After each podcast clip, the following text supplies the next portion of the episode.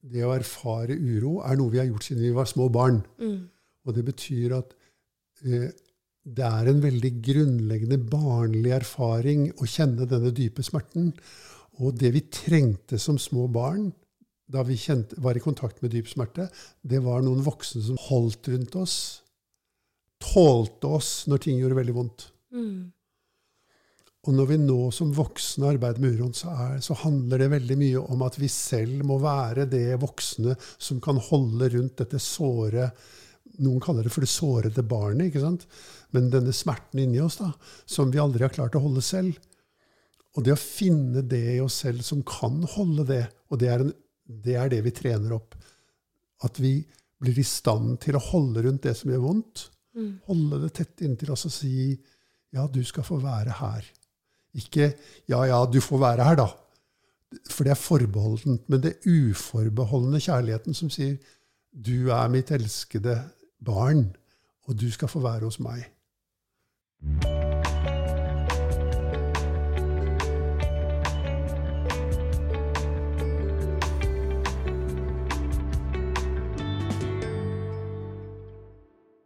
Hjertelig velkommen til podkasten 'Leger om livet'. Jeg heter Anette, og jeg har laga denne podkasten for å gjøre kunnskap om kropp og sinn lett tilgjengelig for alle.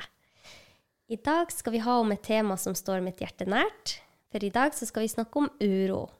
Og med meg til å snakke om dette viktige temaet er uroeksperten Kaspar Skeip. Kaspar er fysioterapeut, psykoterapeut, forfatter og urolærer, og drev i flere år den populære podkasten Guro og guru sammen med Guro Fostervold Tveten.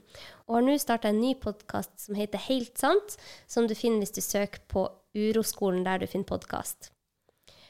Kaspar han har hjulpet utallige mennesker i over 40 år gjennom sin praksis, og har nå starta Uroskolen sammen med sin kollega Helge Simmer.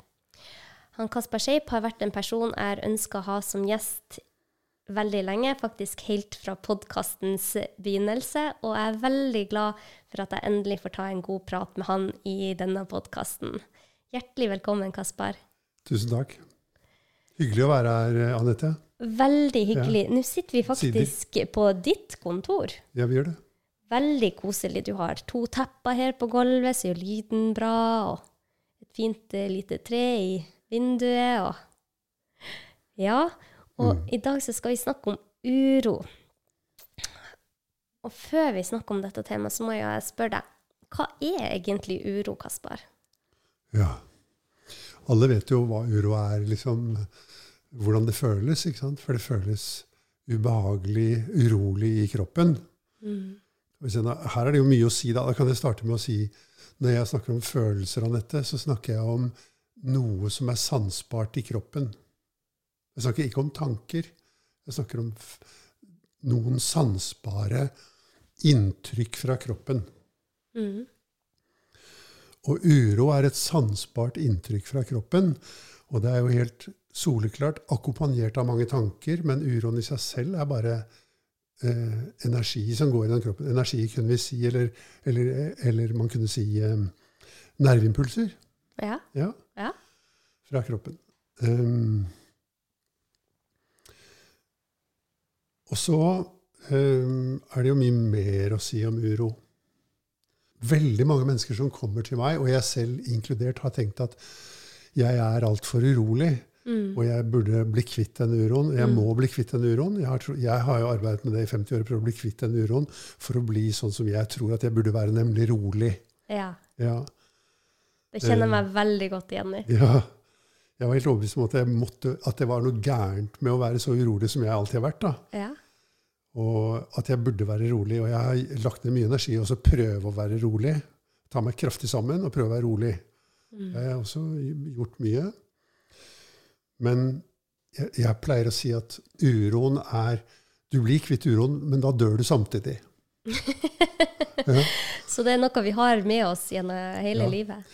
Vet du hva jeg tror? At, eh, I hvert fall kan det ses sånn, da. Det er jo ikke noe av det jeg sier som er sant, det er bare en måte å se ting på. Men eh, jeg tror at eh, uroen kommer inn i livet vårt sammen med erfaringen av livsenergien vår, og de to tingene er for oss det samme. Eh, vi erfarer ikke livsenergien vår alene. Vi erfarer den i forskjellige inntrykk som kommer til oss. Og et inntrykk som er helt bakt inn i livsenergien. Det vil si vi opplever den samtidig som livsenergien er en slags sinusformet bølge, eh, som vi kan kalle uro, da, av inntrykk som kommer og går. Og de to tingene er helt sammenviklet for oss. Sånn at vi, eh, så lenge vi lever og opplever oss selv som levende, så vil vi også oppleve at uro kommer og går i oss hele tiden. Ja. Ja. Det kjenner meg igjen i òg. ja. Og det er jo veldig ubehagelig. Mye av det, da. Mm. Det betyr ikke at det alltid er ubehagelig, men det betyr at det kommer tilbake. Liksom, uansett hvor flink jeg er, uansett hvor mye jeg jobber med det, og sånn, Mm. så kommer uroen tilbake igjen. Mm. Så jeg vet ikke om det er, Syns du det er svar på hva er uro for noe? For jeg, jeg tror bare Egentlig så syns jeg jeg liker et, et, et svar på det som er sånn Ja, men det er sånn det er å være menneske. Det er ikke sånn å, kanskje, kanskje det ikke er sånn å være bjerketre eller å være hund. Men å være menneske er sånn at man har en vedvarende, gjentatt erfaring av ubehag og uro i kroppen. Og den sitter. Den er jo der eh, veldig ofte. Ja, men men den kommer og går, ikke sant? Ja, ja. Ja. Den kommer og går. ja. Og jeg kjenner meg veldig godt igjen i det du sier, at du har jobba med å bli kvitt den. ja. Og jeg husker veldig godt første gangen jeg kom over deg. Og da var jeg hjemme i eh, mammapermisjon med min yngste. Og så så jeg på God morgen Norge. Og så satt du og Guro der, og du prata om uro. Og så tenkte jeg oi, det han sier, det er så sant og så ekte for meg. Han her kommer til å lære meg mye. Så begynte jeg å høre på podkasten din, og jeg har jo hørt alle episodene, og jeg syns det er jeg syns det har vært ufattelig viktig for mitt eget liv, i hvert fall. Fordi at inntil da så hadde jo jeg tenkt at jeg kunne finne en måte å bli kvitt uroen min på. Jeg var hellig overbevist om det. Jeg hadde jo gått ganske grundig til verks og leste alt av bøker om psykologi jeg kunne komme over. Og når du sa til, til meg, sier jeg, men i podkasten at uro det er noe vi har med oss, og den, den er der, så var det, sånn, det var en sånn veldig sterk sannhet for meg. For at jeg innså at det er jo helt sant. Vi alle har den uroen. Og det å hele tida jobbe mot den og prøve å bli kvitt den, gjør den jo ikke mindre fremtredende. Så for meg så var det en veldig befrielse Mm. å innse at OK, her er du uro, og det er helt greit at du er her. Istedenfor å si åh, hvorfor er jeg så urolig, og er det kun meg, og hvorfor er det hvorfor, Hvordan kan jeg bli kvitt det? Ja.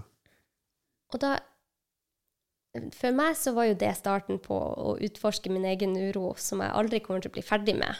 Men jeg har i hvert fall eh, slutta å dømme den uroen i så stor grad som jeg har gjort hele mitt liv. Var det noe som gjorde at du fant ut at du skulle se på denne uroen og slutte å kjempe mot den? Mm. Ja, det var det. Det var jo Det var jo en slags skikkelig nedtur i livet mitt i første halvdel av 50-årene, faktisk. For før det så hadde jeg bare holdt på med det å forsøke å bli sånn som jeg trodde jeg burde være, da, inkludert ro rolig. Ja. Og da jeg var i begynnelsen av 50-årene, nå er jeg 70, men da um, opplevde jeg jo at en veldig sterk følelse av at alt jeg hadde gjort, var forgjeves, og at jeg fortsatt var akkurat, en akkurat like stor dust. En som ikke fikk det til, og som ikke hadde klart å gjøre det som alle de jeg trodde og sammenlignet meg med, hadde fått til, nemlig å bli kvitt uroen sin. Mm. Uh, og det var uh, veldig smertefullt. For jeg hadde jo opplevd perioder hvor jeg hadde vært veldig tilfreds i livet, og hvor jeg hadde vært rolig. Mm. Jeg drev masse med meditasjon og sånn. meditasjon og yoga og masse selvutviklingsprosjekter over mange, mange år. da. Um, og så fikk jeg liksom den nesestyveren da, som, jeg kjente meg akkurat like urolig, akkurat like lite tilfreds med livet som jeg har gjort mange ganger tidligere. Og en følelse av at uh, alt jeg hadde gjort, var forgjeves. Uh, og at jeg ikke fikk det til, at det var noe galt med meg. Og, det, og, og, så var jeg veldig heldig, for jeg møtte en kar som sa til meg noe som gjorde veldig inntrykk på meg. Han sa, han var amerikaner. Han sa 'Du er ikke livet ditt', sa han til meg. Og jeg, øh, jeg skjønte ikke, Med en gang så skjønte jeg ikke hva det betydde engang, men det var, gjorde veldig gjenklang i meg. da. Så jeg ble hengende ved den setningen i lengre tid. Du er ikke livet. You are not your life. Hmm. For jeg oppdaget jo at jeg hadde trodd at jeg er livet mitt. Det vil si, jeg er kroppen min, jeg er følelsene mine, jeg er tankene mine. Jeg er livet mitt, resultatet av mine anstrengelser. Og mine, mine, både mine suksesser og mine fiaskoer er mm. jeg. Mm. Og så og, da, og når jeg skjønte det, at jeg hadde levd i 50 år og trodd på det, at jeg er noe som kommer og går For alle de tingene kommer jo og går. Tanker kommer og går, følelser kommer og går. Alt i kroppen kommer og går hele tiden. Mm. Jeg kan si til lytterne at for litt før i dag så har jeg holdt et langt foredrag for Anette om uh, uh, hvordan kroppen kommer og går hele tiden. For det tenker vi vanligvis ikke på. Men hver gang du puster ut, sier jeg til Anette, så puster du ut molekyler fra din egen kropp. Og hver gang du puster inn, så puster du molekyler inn fra min kropp. Så hele tiden så kommer og går vi i hverandre i et uendelig vekselspill, og sånn har det alltid vært. Og sånn kommer det alltid til å være. Og ingenting er bestandig, men alt er bestemt av omstendigheter. Mm. Og alt kommer og går. Men mens det skjer, har jeg oppdaget, så er jeg. Jeg kommer og går ikke. Jeg er det som alt kommer og går i. Det var det jeg oppdaget da. Og det, det, dette her er jo sånn som er vanskelig å snakke om, og som folk kan snakke om. Altså Alle filosofer snakker om dette her sånn i Kanskje ikke alle, men veldig mange, da. Mm. I det uendelige. Og det er veldig vanskelig å snakke her må man gjøre noen erfaringer. Men ser du at livet kommer og går i deg mens du er, Anette? Mm, og kanskje våre lyttere ser det også. Livet kommer og går. Tankene, følelsene og sanseinntrykkene kommer og går i meg mens jeg er. Og så, Da blir det veldig lurt og veldig nødvendig ble det for meg da, å finne ut når jeg vender oppmerksomheten mot meg istedenfor mot det som kommer og går, mot det jeg er, hva finner jeg da? Å få direkte erfaring av det selv, det ble viktig for meg. Og det jobber jo jeg med med alle elever som jeg har med å gjøre også. Som jeg først kalte pasienter, og, kaller, og så kalte jeg de klienter, og nå kaller jeg de elever. Å få et, et, et helt klart glimt, eller en klar erfaring av, om enn kortvarig, av hva er det som alt kommer og går i, og som heter meg selv. Og det er en del av det vi lærer bort på uroskolen.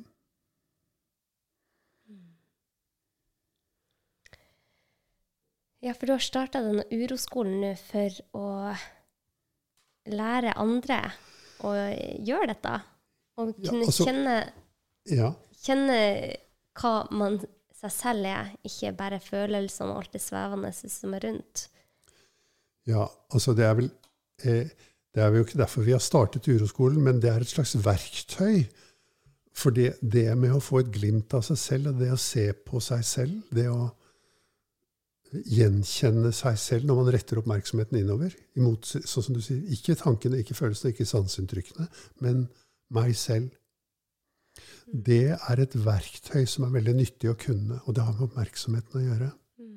Mens Uroskolen er jo egentlig en skole hvor vi lærer alle mulige vanlige mennesker å forholde seg til indre uro på en måte som er nyttig og konstruktiv. Og hvordan måte er det? Vi kaller det å romme uro.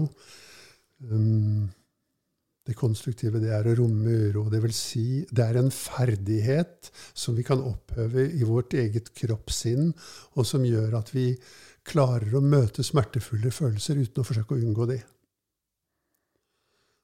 Og Det er litt som å ta kald dusj. Man kan gradvis lære seg å ta kald dusj uten å bare hoppe til side og komme seg unna. Mm. Eh, Det er ikke akkurat det samme, men det er, det er jo en slags eh, hva skal vi si, parallell, da. Men før vi For jeg kommer til å spørre deg om hvordan man kan starte med dette selv. Men før vi kommer dit, så har jeg lyst til å spørre deg hvorfor er det noe vi eh, kanskje vil ha nytte av? Mm. Jeg- kan jo svare på det på mange måter, men jeg tror jeg vil si at eh, jo, livet kommer alltid til å inneholde smerte. Sier du at livet ender jo til og med med døden? Og så kommer det til å inneholde at vi blir sveket, og vi blir forlatt, og vi sulter, og vi tørster, og vi er redde, og vi føler skam, og vi føler skyld. Og det jeg sa i stad, var at alle de forsøkene på å slutte å gjøre det, de har ikke lykkes for meg i hvert fall. Og jeg kan ikke se at det har lykkes for noen mennesker jeg har møtt. Det hører til det å være et menneske og ha slike følelser. Mm. Slike erfaringer. Men hvorfor er samfunnet tilrettelagt sånn at man skal egentlig føle minst mulig av den uroen? Mm. Man blir jo lært opp til å Man skal prøve å ha det så bra som mulig til enhver tid. Ja. Jeg, jeg, jeg, det, det- det er en stund siden nå, men det var et lesebrev fra en ungdom i Aftenposten en gang som jeg syntes var veldig fint. og Det var en ung pike, så jeg tror kanskje var en 16-17 år. Og hun, Det var et anklageskrift til hennes foreldre hvor hun sa det jeg har oppdaget, det er at dere har beskyttet meg mot alt vondt i livet, og det har gjort meg helt uegnet til å leve her på denne jorden, for her er det jo stadig vekk veldig mange vonde ting. Oi, Så hvorfor ikke lære meg hvordan jeg skal forholde meg til det som er vondt, istedenfor bare å prøve å bli kvitt det? Hvis jeg var et veldig smart trekk av en 16-åring, eller hva, hva hun var. ja. Ikke, fordi at, ikke for å klandre hennes foreldre av det, fordi, for det, fordi det å prøve å unngå smerte er genetisk betinget det, i menneskene. Det er en evolusjonær ting. ja. Det er jo det. Men det er bare det at det er dysfunksjonelt allikevel. Fordi at vi kan ikke unngå smerte. Og, og det å beskytte barna våre mot smerte, det er veldig evolusjonært veldig lett å forstå det, men det har en nedside. Og den nedsiden er at man blir redd. Og man forsøker å sortere livet i det man skal oppleve. Det man foretrekker, og det man ikke foretrekker. Og det er jo det jeg har gjort i livet mitt, og som alle mennesker som kommer til meg, har gjort. Du har jo også gjort det i livet ditt. Og resultatet av det er at man ikke blir tilfreds. At man får det ikke godt. da. Og det var det hun sa. Kanskje det er en bedre måte å få det godt på, å lære seg å håndtere det som er smertefullt. Ja, for man ønsker jo bare det aller beste for sine barn og de rundt seg. Ja. Man har jo så lyst til at de skal ha det bra. Mm. Og da skåner man jo de kanskje for en uro akkurat der og da. Men de vil jo møte på uro andre steder. ja. Garantert, ikke sant. Det er bare garantert. Mm. Det er helt, det er så sikkert som? Det er det sikreste av alt. Ja, det kommer til å gjøre vondt. Mm. Og hvis man kan noe om det, hvis man er god til å ha det vondt hvis man er, Da Guro og jeg lagde podkast, kalte de det å bli god til å ha det dårlig.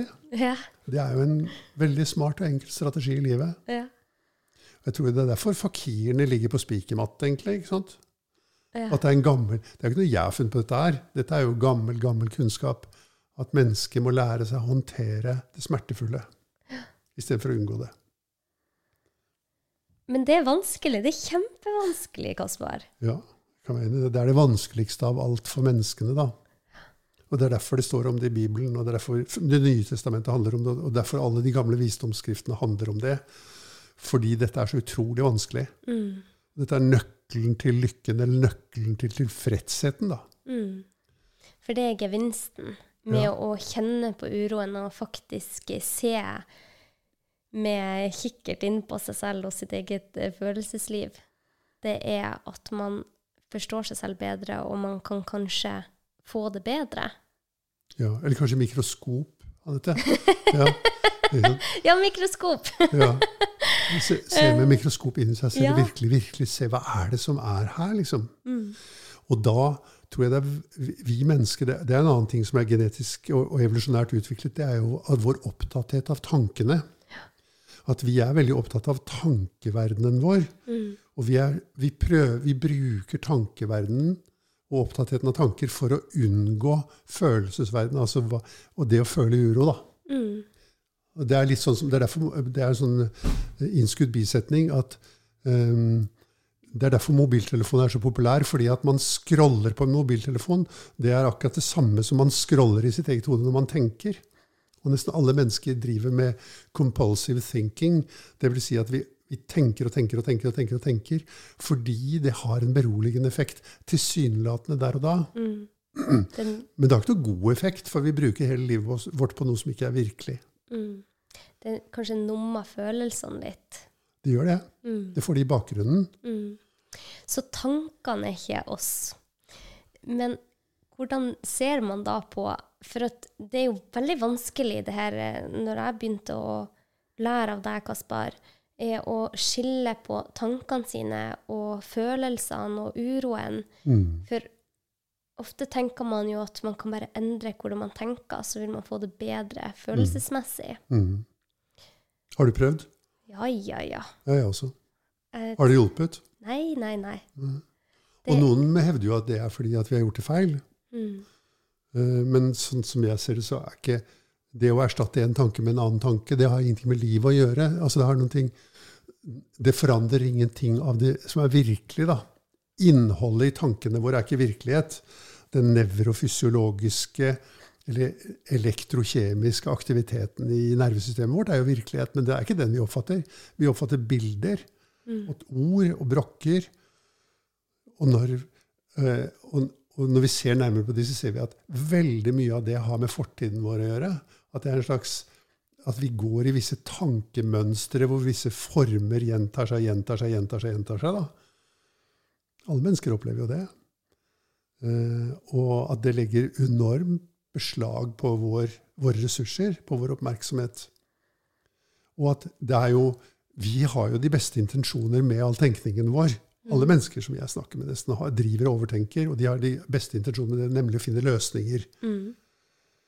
Så, men det man glemmer å overse, det er at det funker ikke. Når man overser det. Mm. Det funker ikke, men allikevel så fortsetter det fordi det er automatisk. Mm. Fordi vi kunne si et lag i sinnet vårt er løsningsorientert. Absolutt. Og løsningsorientering i vårt samfunn og i vårt sinn er et honnørord. Men i virkeligheten så er løsningsorientering det er en form for rask tenkning som ikke gir hva den lover, da. Vi kan jo se det både i vårt eget liv og vi kan se det i menneskehetens liv. At all den problemløsningen vi har holdt på med, det der brakte oss nøyaktig dit hvor vi er i dag. Og hvis noen mener at alt er såre vel, så da kan man jo slå seg til ro med det. Men for meg så ser det ikke ut som alt er såre vel med menneskeheten. da. Mm. Menneskeheten lever på kanten av sitt eget skapte stup. Uff da, Kaspar. Ja. Men det er, jo, det er jo mye man kan gjøre for å slutte med den løsningsorienterte naturen vår, og faktisk prøve å gå litt i dybden på hva det er man driver med, da. For at jeg har jo drevet mye med og prøvd å finne løsninger, ikke bare for meg selv, men for alle andre rundt meg. Og det har jo gitt meg en god følelse å prøve å være til hjelp for andre. Det gir, jo, det gir jo de fleste gode følelser å være til hjelp, men ofte så kan jo du har jo lært meg det at det, det å, å, ta Å gjøre handlinger ut ifra uro, det skaper jo kanskje mer uro. Og det mm. syns jeg er så utrolig klokt sagt, og det er noe jeg har med meg alltid. Jeg prøver å tenke på det. Gjør jeg dette ut ifra min egen uro, eller gjør jeg dette fordi at, jeg, at dette er den rette veien? Og det, da må man jo være ganske bevisst. Og ofte så er man jo Det man gjør, er ubevisst. De fleste handlinger man gjør i løpet av dagen, er jo ubevisste handlinger. Det er et mm. mønster man går i. Mm. Hvor skal man starte? Hvis man ser at OK, jeg er her et sted, og jeg har prøvd å gå unna uroen hele mitt eh, liv, men jeg ser at det ikke fungerer. Hvor skal man begynne? Mm. Man må begynne med å gjøre, å øve seg på å flytte oppmerksomheten fra tenkningen til kroppen, til sansningen. Og det er jo aller vanskeligst er å sanse uroen, fordi at man har øvd seg Sånn som jeg har automatisk øvd meg i 70 år på ikke å føle uroen min. Fordi det hører til det menneskelige. Det er å forsøke å få uroen til å komme i bakgrunnen. Og det gjør vi ved å putte andre ting i forgrunnen. Det er sånn nervesystemet vårt fungerer. At vi kan ikke være oppmerksom på mer enn én ting av gangen. Og er, hvis jeg er veldig oppmerksom på mobiltelefonen, så kommer jo uroen i bakgrunnen. Mm. Eller hvis jeg er veldig oppmerksom på eh, hvordan det er å løpe maraton, eller hvis jeg, hvis jeg, jobber veldig masse, ja. eller hvis jeg spiser på bestemte måter, ofte sykdomsfremkallende måter, så kommer jo uroen i bakgrunnen. Det er det som kjennetegner den reaktive atferden. Det er at vi Det er noe som har kraft i seg til å tilrive seg oppmerksomheten vår. Mm. Og da kommer uroen i bakgrunnen. Og da blir vi ikke kjent med den. Så det er virkelig en anstrengelse som går imot et veldig solid oppbygget forsvarsverk å begynne å interessere seg for uroen da.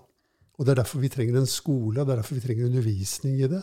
Man trenger veiledning og undervisning i det, rett og slett. Fordi det er krevende. Mm. Det er krevende, og det går jo Det føles ut som det går imot vår egen natur. Ja. Det, at man skal, det føles ut som man skal prøve å og bade seg i sin egen elendighet. Men det er jo ikke det det er. Nei. For det er jo ikke Uro er jo ikke elendighet, det er bare smertefullt. Mm. Og det handler jo egentlig ikke om å bade seg i det, men det handler om å, våge, å se rett på det. Og snu nesa mot det og blikket mot det og si der er det som jeg alltid har prøvd å unngå. Hva er dette for noe tro? Kan jeg, kan jeg gi det plass i min oppmerksomhet? Mm studere det på samme måte som mange av de som hører på oss, har brukt utrolig mye tid på f.eks. å studere medisin. Mm. Eller studere en hobby, eller lære seg å gå på ski på en helt riktig måte. Eller noe sånt. da, mm. Eller lage veldig god mat. Eller noe sånt. Mm. Eller til og med smake på noe. Mm. Altså, og så begynne å smake på uroen. Kjenne etter, rett og slett. Ja, Kjenne etter. Bli oppmerksom på. Og det, eh, og det er krevende, men det går an. For oppmerksomheten er en egenskap for menneskesinnet som vi har mulighet for å lære oss til å styre. Jeg vil jo påstå at veldig mange mennesker ikke har noe særlig god kontroll på oppmerksomheten sin, og at det finnes veldig sterke krefter i menneskesamfunnet som prøver å stjele oppmerksomheten vår. Men man må man har fortsatt, Vi mennesker har fortsatt muligheten til å ta tilbake kontrollen over vår egen oppmerksomhet. Og jeg tror jo at oppmerksomheten vår er en av de få tingene i livet vi kan kontrollere. Men det krever mye. Mm. Det er ikke så mye annet vi kan kontrollere i livet, Anette. Nei, det er jo ikke det. Selv om man ønsker å Jeg ønsker ja. jo å tro at jeg kan kontrollere det meste. Ja. ja. Vi gjør jo det. Så du at akkurat nå for en uke eller to siden så var det en sånn øy i Stillehavet som nærmest gikk i lufta? Nei. En, eh, jeg lurer på om det var Jeg husker ikke hva den eh, øygruppen utenfor New Zealand heter, men det var en vulkanutbrudd som var så stor at det utslettet alt liksom levende på den øya. da. Oi. Menneske, menneskesamfunn og dyresamfunn og sånn. Oi. Ble dekket i aske. Jeg sier det bare fordi livet er ganske vilt. Mm. Ikke bare ganske vilt, men det er helt vilt. Og det har det alltid vært. Og det kommer det til å fortsette å være. Derfor er det vår idé om at vi skal kontrollere det, det er en gigantisk overvurdert idé. Det er en hybris. Det er styrt av hybris, da. Overmot. Og at eh, vi har ikke lykkes med det, og vi kommer ikke til å lykkes med det. Rett som det er, så går det en øy opp i lufta, eller noe annet. Ja. Ganske svært. Men selv om det er vanskelig, eller det er umulig å styre det som skjer rundt oss, så kan man jo få det bedre. For at Grunnen til at jeg syns dette er så viktig tema å snakke om, er jo for at det er veldig, veldig mange av oss som har det tøft. Og jeg får veldig mange mailer og meldinger om personer som ønsker å finne en måte å få det bedre på. Mm. Og dette er en av de måtene jeg faktisk tror at man kan få det bedre. Jeg har jo selv erfart det. Mm. Og du har jo sett det gjennom mange tiår med eh, å hjelpe andre. At dette er en metode som kan gjøre at selv om man skal leve med den uroen Man får ikke mindre uro, men man, får det bedre bare ved mm. å kjenne seg selv og kjenne mm. etter hvor hvor det setter, og hvordan mønstrene våre er, da. Hvorfor man reagerer sånn som man reagerer. Det, det er til hjelp, i hvert fall for min egen del. Og da har jeg så lyst til å gi disse verktøyene til lytterne mine og til alle de behandlerne som hører på denne podkasten, så de kan hjelpe videre, da, eh, istedenfor å komme med en løsning. For at vi er så Vi er eksperter på å komme med løsninger. Kasper, jeg har en løsning for deg, og gjør du det, så kommer livet ditt til å bli kjempebra. Ta denne pillen her, liksom. Ja, eller spis den planten. Ja, det, Da er alt løst. Og det er jo sånn verden fungerer, eller kroppen vår fungerer. Mm. Så hvis eh, For eksempel Jeg kan ta et eksempel, Kaspar. Ja. Rett før jeg kom inn hit i dag, så fikk jeg melding fra en eh, lytter som skrev eh, 'Tusen takk for dagens episode'. Og hun hadde noe hun lurte på om hun kunne få hjelp med. Og det var det at hun hadde veldig mye stress, kalte hun det. Og at hun følte at eh, Hun visste f.eks. at hun fikk eh, dårlig hud av å spise melkeprodukter. Og måtte stå på medisiner for å få bort alle kvisen begrunna av eh, de melkeproduktene. Hun, hun så mønsteret, men hun klarte ikke å la være. Når lørdagen kom, så spiste hun en hel melkesjokoladeplate. Ja. Og eh, hun lurte på hva skulle hun gjøre. ja. Og jeg, og jeg syns det var så fint eksempel på hvordan vi gjør det. For vi på en måte prøver å gjøre alt vi kan rett, og så sprekker vi på lørdagen. Og så, Vi begynner på nytt igjen på søndagen. ja, og så nummer vi følelsene og uroen vår ved å leve på den måten. Og det, det er jo en veldig vanskelig måte å leve på. Mm. Hva ville du ha anbefalt til f.eks. henne? Jeg ville jo prøvd å lære henne det, og, og se hva, hva er det e- Jeg ville spurt henne hva er det egentlig som skjer med deg i forkant av at du vil ha lyst til å spise en melkesjokolade. Hva er det du er i kontakt med da? Kan vi se på det sammen? Og det er vanskelig å se på, for vi vet ikke så mye om det. Men det mennesket ville sannsynlig det kjenner jo ikke jeg henne, jeg har ikke lest brev eller noen ting, men, men uh, slik jeg forstår mennesket, så er det som skjer med henne, det er at på et eller annet tidspunkt så begynner den uroen som er i kroppen hennes, den tar form av en lyst, og den lysten fins i hodet og i tenkningen. Det er nemlig bilder og smaksfornemmelser og sånn av noe som vil hjelpe. Mm. Og det er jo forskjellig på forskjellige mennesker. Ja. For noen er det alkohol, og noen er det søtsaker, og noen er det trening, og noen er det jobb, og noen er det utroskap, og noen er det spiseforstyrrelser. Mm. Mange ting. Altså eh, for, fordreide spisemønstre, da. Og så ville jeg spurt Jeg ville bare tatt, fått henne til å bli oppmerksom på kroppen og begynt å trene på det. Og da kan du tenke deg at grunnen til at vi ikke vil føle de vonde følelsene inni oss, er jo at vi er redd for de. De truer med å utslette oss. Det er der. Har du lest folkeeventyrene? Asbjørnsen og Moe? Ja. Ja, det har du, ikke sant? Der, er, der forekommer det en figur som vi kaller for trollet. Mm. Og, tro, og det er det som er den dypere psykologien i folkeeventyrene. Det er at vi har inni oss et troll. Og det trollet, det Hvis man våger å konfrontere det trollet og møte det trollet og, og få lys på det trollet, så sprekker det og blir til stein. Så viser det at, at trollet bare er, blir til en stein. Og det, sånn er det med uroen også. Hvis vi våger å møte den og se på den, så vil vi oppdage at den ikke er farlig, men vi tror at den er farlig. Eh, og at er Det er det vi er mest redd for i hele verden. Det er den uroen vi er inni oss selv. Vi er mye reddere for det enn for løver eller for slemme menn eller for ja, alt det vi er redde for. da. Mm. Det vi er mest redd for av alt, er den dype følelsen av uro som sitter i vår egen kropp. Og vi gjør alt vi kan for å unngå den. Men hvis man steg for steg lærer seg det, så vil den uroen vise seg å være en stein. Eller en tomhet, eller noen ting som i og for seg er helt ufarlig. Så man gjør på en måte nesten uroen sterkere og mer kraftfull ved å være redd for å kjenne på det. Ja, for det er jo eh, det er noen som snakker om frykten for frykten, eller angsten for angsten. Ja. Ja, det er det. Det er at eh, Og det er veldig vanlig, jeg hører det veldig ofte, at jeg er så redd for å bli redd. Jeg er så redd for at angsten skal overmanne meg. ja. Ja. Og det er veldig forståelig. Jeg kjenner meg jo helt igjen i det selv også.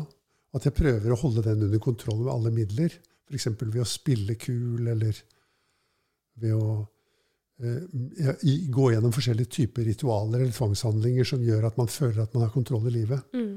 Og, det, og det handler jo også veldig mye om å skjerme seg fra de delene av livet som vekker den uroen. ikke sant? Mm. Hvis man er redd for pene damer, så vil man jo holde seg unna pene damer. da. Mm.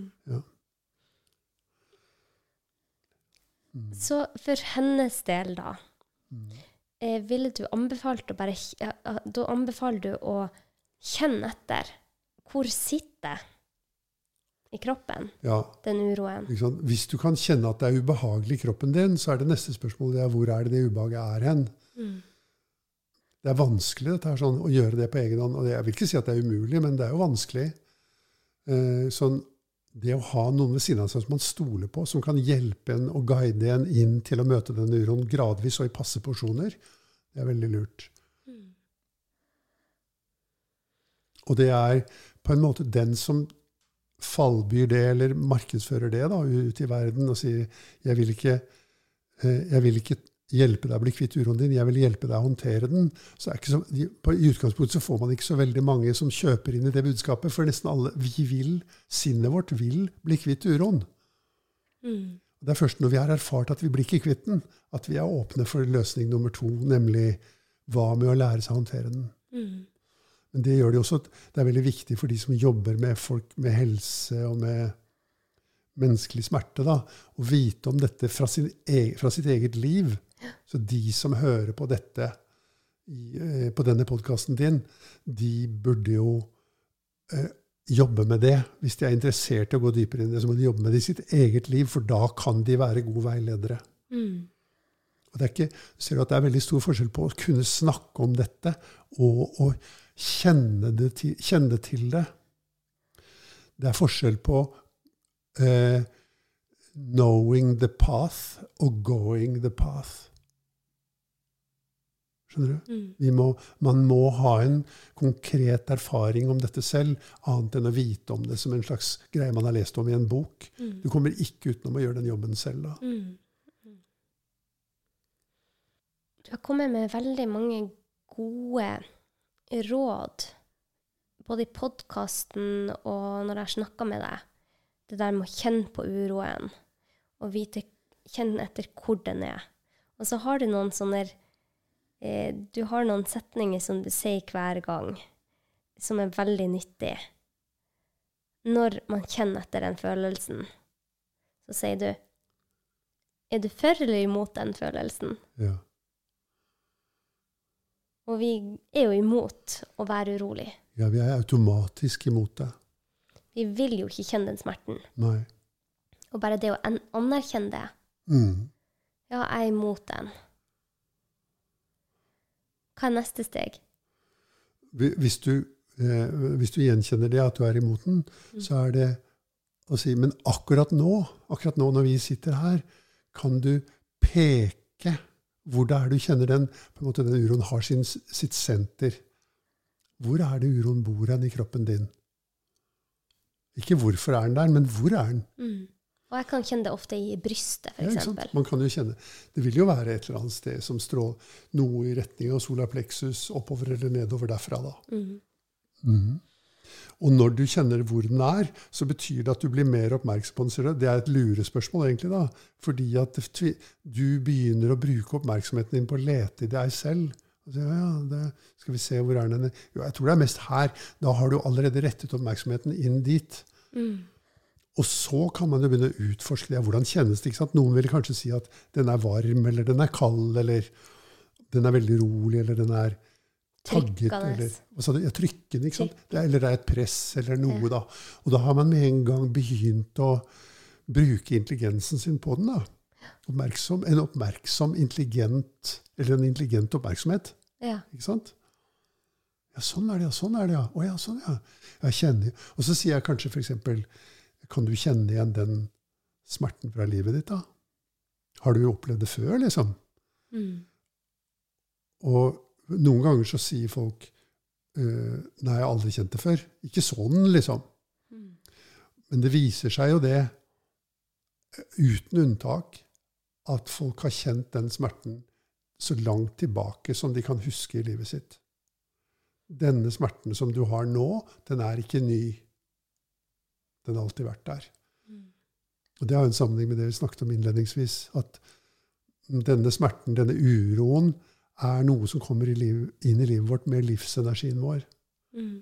Og den er koblet sammen med det å erfare sammen med livsenergien. At det hører til en men, Det er det vi kaller en menneskelig betingelse. Da. Det er sånn det er å være menneske. Det er ikke sånn å være mange andre skapninger som ikke har det sånn, men menneskeskapningen har det sånn. Mm.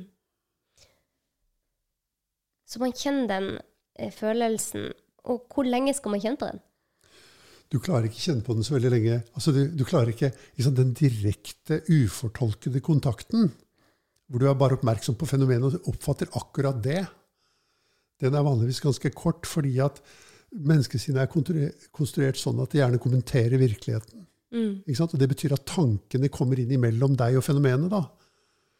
Tank, da kommer det inn tankekommentarer til denne virkeligheten. Som f.eks. er assosiasjoner eller forklaringer, er det jo veldig ofte. Mm. Du skjønner, jeg har det alltid sånn når det er lenge siden jeg har spist is, at jeg har veldig lyst på is. ja. ja. Eh, sånn at eh, det er ikke så mange sekundene som du kan ha en direkte ufortolket kontakt med uroen. Men hvis du klarer det i ett sekund, så har du jo klart det, da. Ja. Og hvis du klarer det to sekunder, så er det dobbelt så mye som ett sekund. Ja. Og jeg lover deg det, Anette, at ett sekund er nok. Og Derfor så kaller vi det for ettsekundsmetoden. For at ett sekund er nok. Og da kan du gjenta det når du langsomt får denne eh, tryggheten på at ja, det kan jeg faktisk klare, for jeg har gjort det før. Mm. Ja, for én ting er jo kjent på uroen eh, før man spiser f.eks. den melkesjokoladen som man vet man blir eh, dårlig av. Men en annen ting er jo kjent på uro som er mye sterkere enn det f.eks. fra traumer eller fra veldig vonde hendelser. Mm. Da kan det jo være så vanskelig å kjenne på det at man nesten ikke klarer det. Man har skjøvet det så langt bort. Ja. Jeg tror det har noe for seg å rippe opp i sånne gamle traumer. Det er mange som spør meg om det. Du vet, eh, Sinnet vårt er sånn at det, får, det, er veldig veldig begeistret for å ha forklaringer på hvorfor ting er sånn som de er. Mm. Og traumer er en for tiden veldig populær forklaring på hvorfor ting er sånn som de er. Mm. Og min erfaring er at det hjelper veldig lite i helbredende retning å vite hvorfor ting er sånn som de er. Så jeg tror at fokusering på hvorfor, eh, og, eh, altså forklaringer, forstyrrer direkte erfaring. Og det som helbreder, og det som gjør at vi mestrer livet i større grad, er at vi klarer å være sammen med virkeligheten, ikke at vi klarer å være sammen med forklaringen på virkeligheten. For forklaringen på virkeligheten er bare en tanke. det. Mm. Det er en abstraksjon rundt virkeligheten. Den konkrete virkeligheten. Den sansbare virkeligheten. Mm. Så det vil være helbredende bare det å kjenne på uroen når det kommer i forskjellige settinger. Ja. Og der kom den. Mm. Og så kommer det i en annen setting i løpet av dagen. Mm. Vi har jo, Det popper jo opp hele tida nå når jeg blir mer bevisst på det. Eh, så, så, kjenner jeg den jo der. Mm. Eh, men det jeg syns er så fint, at du sier at da skal du si ja, velkommen, her er du, uro. Ja. Det har jeg kjent på før. Ja. Du ser jo at på en måte kan vi sammenligne uroen med det, altså, det, å erfare uro er noe vi har gjort siden vi var små barn. Mm. Og det betyr at eh, det er en veldig grunnleggende barnlig erfaring å kjenne denne dype smerten. Og det vi trengte som små barn da vi kjente, var i kontakt med dyp smerte, det var noen voksne som sa du kan få, Ikke sa, men holdt rundt oss. Eh, eh, tålte oss når ting gjorde veldig vondt. Mm. Og når vi nå som voksne arbeider med uroen, så, er, så, handler det veldig mye om at vi selv må være det voksne som kan holde rundt dette såre Noen kaller det for det sårede barnet, ikke sant? men denne smerten inni oss da, som vi aldri har klart å holde selv. Og det å finne det i oss selv som kan holde det, og det er, en, det, er det vi trener opp at vi blir i stand til å holde rundt det som gjør vondt. Mm. Holde det tett inntil oss og si ja, du skal få være her. Ikke ja, ja, du får være her, da. For det er forbeholdent. Men det uforbeholdne kjærligheten som sier du er mitt elskede barn, og du skal få være hos meg.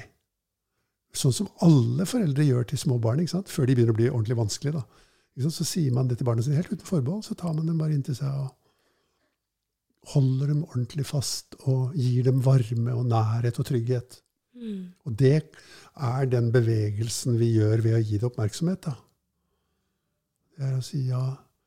Og ja, nå kjenner jeg deg. Du skal få være her hos meg. Jeg, jeg skal ikke gå fra deg. Jeg skal gjøre alt jeg kan for å bli god til å holde rundt deg.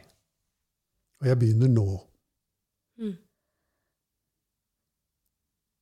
Og ved å gjøre dette over tid, så vil man ikke bli mindre urolig, men man vil få det bedre. Altså eh, Man blir jo på en måte mindre urolig fordi man blir mindre urolig fordi man er urolig. Ja. Ja. Ikke sant? Det, Det er er disse rare loopene som sinnet vårt gjør. da. Men man får det bedre, og en av grunnene til det er antagelig at man, blir, at man sier ja, men jeg kan være urolig, det er ikke så farlig. Ja, Det går over. ja Og særlig hvis jeg møter det. Så jeg, jeg, jeg kan denne teknikken nå. ikke sant? Det er en metode eller en teknikk. da. Mm. Akkurat som å ligge på spikermatte eller ta, ta kald dusj. Ja. Ja, det er en metode. Ja, du må puste, du må rette oppmerksomheten. Du må bli her, ikke hoppe ut av dusjen. ja. Ja. Ja, ja. Å være bevisst. Um, er det noe som gjør deg urolig? Det er mange ting som gjør meg urolig. Ja. Kona mi er god til å gjøre meg urolig, bikkja mi er god til å gjøre meg urolig. altså te- trigger uroen i meg. Ja. Og så er det mange sånne ting. Ikke sant? Det er de nærmeste i familien. Eh, Det var jo foreldrene mine og søsknene mine og sånn. Eh, Men det er også mange andre helt sånn, eh, ting som kommer av litt sånn rarere mekanismer. F.eks. høyder. Jeg har vært veldig redd for høyder. da. Så jeg jobba en god del med det. Jeg har kurs til og med som heter Høydeskrekklaboratorium. Og vi jobber med høydeskrekk. Og det er kjempegøy. Og det er jo aldri noen som ikke står ytterst på kanten og ler høyt, liksom. Man kan gjøre det. Men det, det er veldig lett å tenke at hvis den personen gjør meg urolig, eller høyde gjør meg urolig, så skal man unngå det. Ja. Det er å det, Et annet navn for det er depresjon. Ja. Det er å leve livet sitt trygt innenfor en liten korridor. Jeg har en, en tidligere klient og venn som sier jeg føler at, eller som sa jeg følte at livet mitt var å leve i en korridor, en trang korridor. Og det er jo å holde seg unna det man er redd for. Og det er ikke tilfredsstillende det i lengden, men det er jo trygt. Så sånn sett så foretrekker jo menneskesinnet depresjon fremfor frihet. Mm. Men ser du at sånn som jeg bruker ordet depresjon, så ser jeg ser jo ikke på depresjon som sykdom. Hva du ser på det som. Jeg ser på det som en strategi. Som en strategi for å unngå uro. Og det er ikke noen bevisst strategi, det er en automatisk strategi som menneskesinnet har skal vi si, anlegg for. da. Det er å um, stenge ned livsenergien istedenfor å føle den. Og Det skjer automatisk, og når man blir klar over det, så kan man begynne å trene på å kjenne livsenergien, da, eller angsten. Ja. Jeg bruker å si til folk at ok, folk som har depressive tendenser Jeg har jo i høy grad depressive tendenser. da. Altså liksom, Det er en strategi som jeg lærte da jeg var liten. Det var å holde tilbake meg selv så godt jeg kunne. Være snill og flink, og ikke noe særlig mer enn det. Mm. Eh, Men jeg pleier å si til folk at du har valget på en måte er det sånn i livet at du har valget mellom angst og depresjon. Hva velger du? Ja. Og nesten alle mennesker har jo valgt De velger depresjonen, for det er automatisk. Og så ramler man inn i angsten, og så klarer man å komme, få tilbake kontrollen, og så ramler man inn i depresjonen igjen. Det er jo ikke noe tilfredsstillende liv, det. Nei. Det er ingen som blir glad av det, av å, være dep av, av å ha stengt ned. Man blir jo glad av å få lov å delta i livet. Mm. Møte troll. Sånt. Kasper, jeg, kommer, jeg inviterer deg herved tilbake til podkasten, for vi har så mange temaer jeg har lyst til å snakke med deg om. Ja, Mener du at vi er ferdige alt? Eh, nei, vi har pratet i 50 minutter. Men jeg syns dette er For min del har det vært en enorm styrke å kunne tørre å kjenne på egen uro. Og, og det å bare slutte å tenke at man er feil. For det er utrolig slitsomt. og tungt å hele tida gå rundt og tenke at jeg er feil. Alle Ja. andre rundt meg, Ja. de får jo til det. De ser jo så blide og fornøyde ut, og det er kun jeg som kjenner på denne uroen. Og når jeg innså at det var jo det er jo noe vi alle driver på med, så var det veldig befriende, og så var det veldig bra for min egen selvfølelse å slutte å tenke på meg selv som feil. Mm. Og jeg tror at veldig mange av lytterne kjenner seg igjen i det. Mm. For jeg snakka med meg, mange av mine pasienter om det, og det er jo noe som går igjen. Så jeg er veldig glad for at du kan gi den befrielsen, da, og bare si det, at det er faktisk helt vanlig å kjenne på uro. Det er menneskelig. Det er sånn det er. Det, det finnes ingen mennesker som ikke gjør det. Ja. Mm. Og jeg skulle ønske at vi kunne lære om dette helt fra barneskolen. Tenk hvor, Skulle jeg òg. tenk hvor bra det hadde vært. Nå er det noe som heter livsmestring som fag på skolen, som skal gjennomsyre alle andre fag. Og jeg, sånn som jeg ser det, så vil jo det være viktigere enn noe annet å ta inn der. Istedenfor å holde på med psykologisering, som jeg er redd for at det faget blir. da. At det kommer forskjellige sånne forståelser på det, som er å psykologisere barna. Så kan man heller lære barn hvordan skal jeg utvikle mot og kraft og humor og vilje og intelligens og kreativitet i livet mitt. Mm. Jo, det utvikler jeg ved å gå mot uroen. Bli kjent med uroen. Og da vil jeg også jeg vil ha det bedre på skolen og bedre med vennene mine. Og bedre i livet. Hvis jeg våger å face den uroen jeg kjenner inni meg ved visse typer møter. F.eks.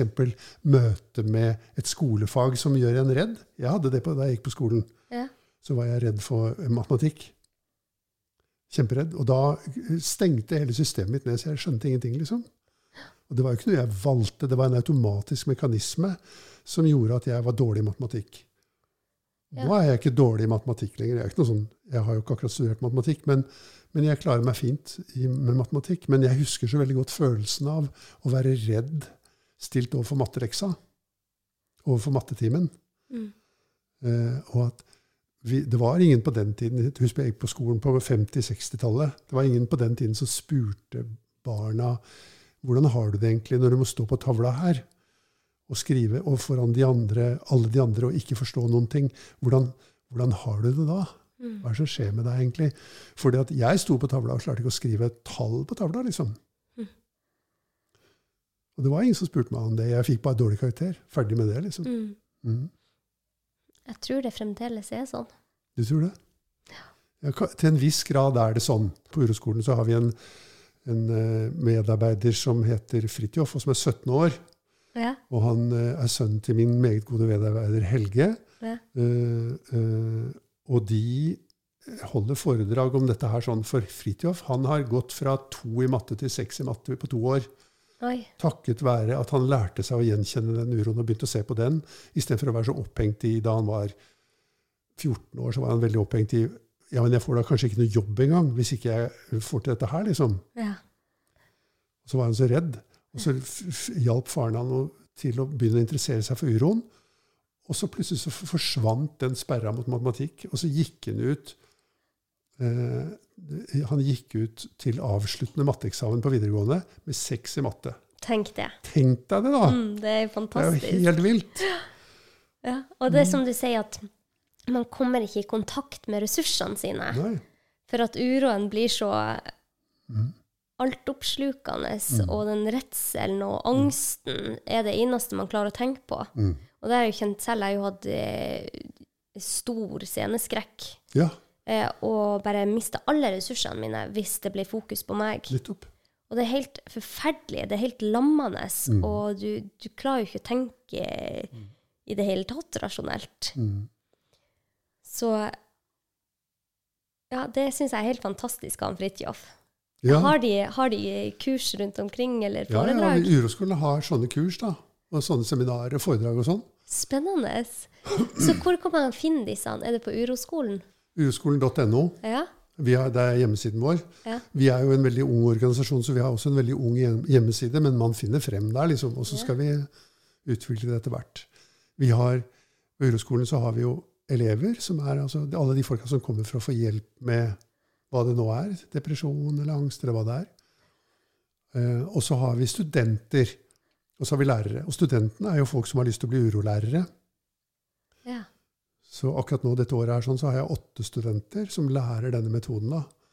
Og så er det meningen at vi skal slik bli flere som kan jobbe etter disse prinsippene. Og utvikle det også, for det er jo ungt på en måte. Det er veldig gammel, det er gammel, gammel kunnskap. Men i vårt samfunn er det jo eh, ungt og har fått veldig beskjeden plass, hvis du tenker på hvilken plass konvensjonell tenkning rundt det som kalles mental helse, da, Mm. er. Mm. Jeg er veldig glad for at jeg får muligheten til å kunne dele denne kunnskapen i podkasten, og at du tar deg tid til det, Kaspar. Ja, jeg er jo veldig takknemlig for at jeg får lov å snakke til dine lyttere, da. Eh, Så, og jeg vil ønske dem også velkommen til Uroskolen. Det er bare å ta kontakt, så skal vi se hva vi kan bidra med. Ja, så bra.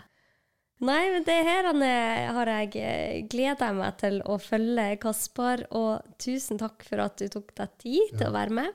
Dere finner han Kaspar på uroskolen.no, og podkastene ligger også der. Og hvis dere har noen spørsmål til meg eller han Kaspar, så kan dere bare skrive til meg på Instagram. Og da eh, tar jeg med de spørsmålene neste gang jeg skal snakke med han Kaspar. Og med det så sier jeg tusen takk for oss. En kjempefin eh, dag. Og hvis du tenker at dette er en episode som er til nytte for noen, så send den til dem, for det er kun sånn vi kan få ut den gode kunnskapen. Ha det godt.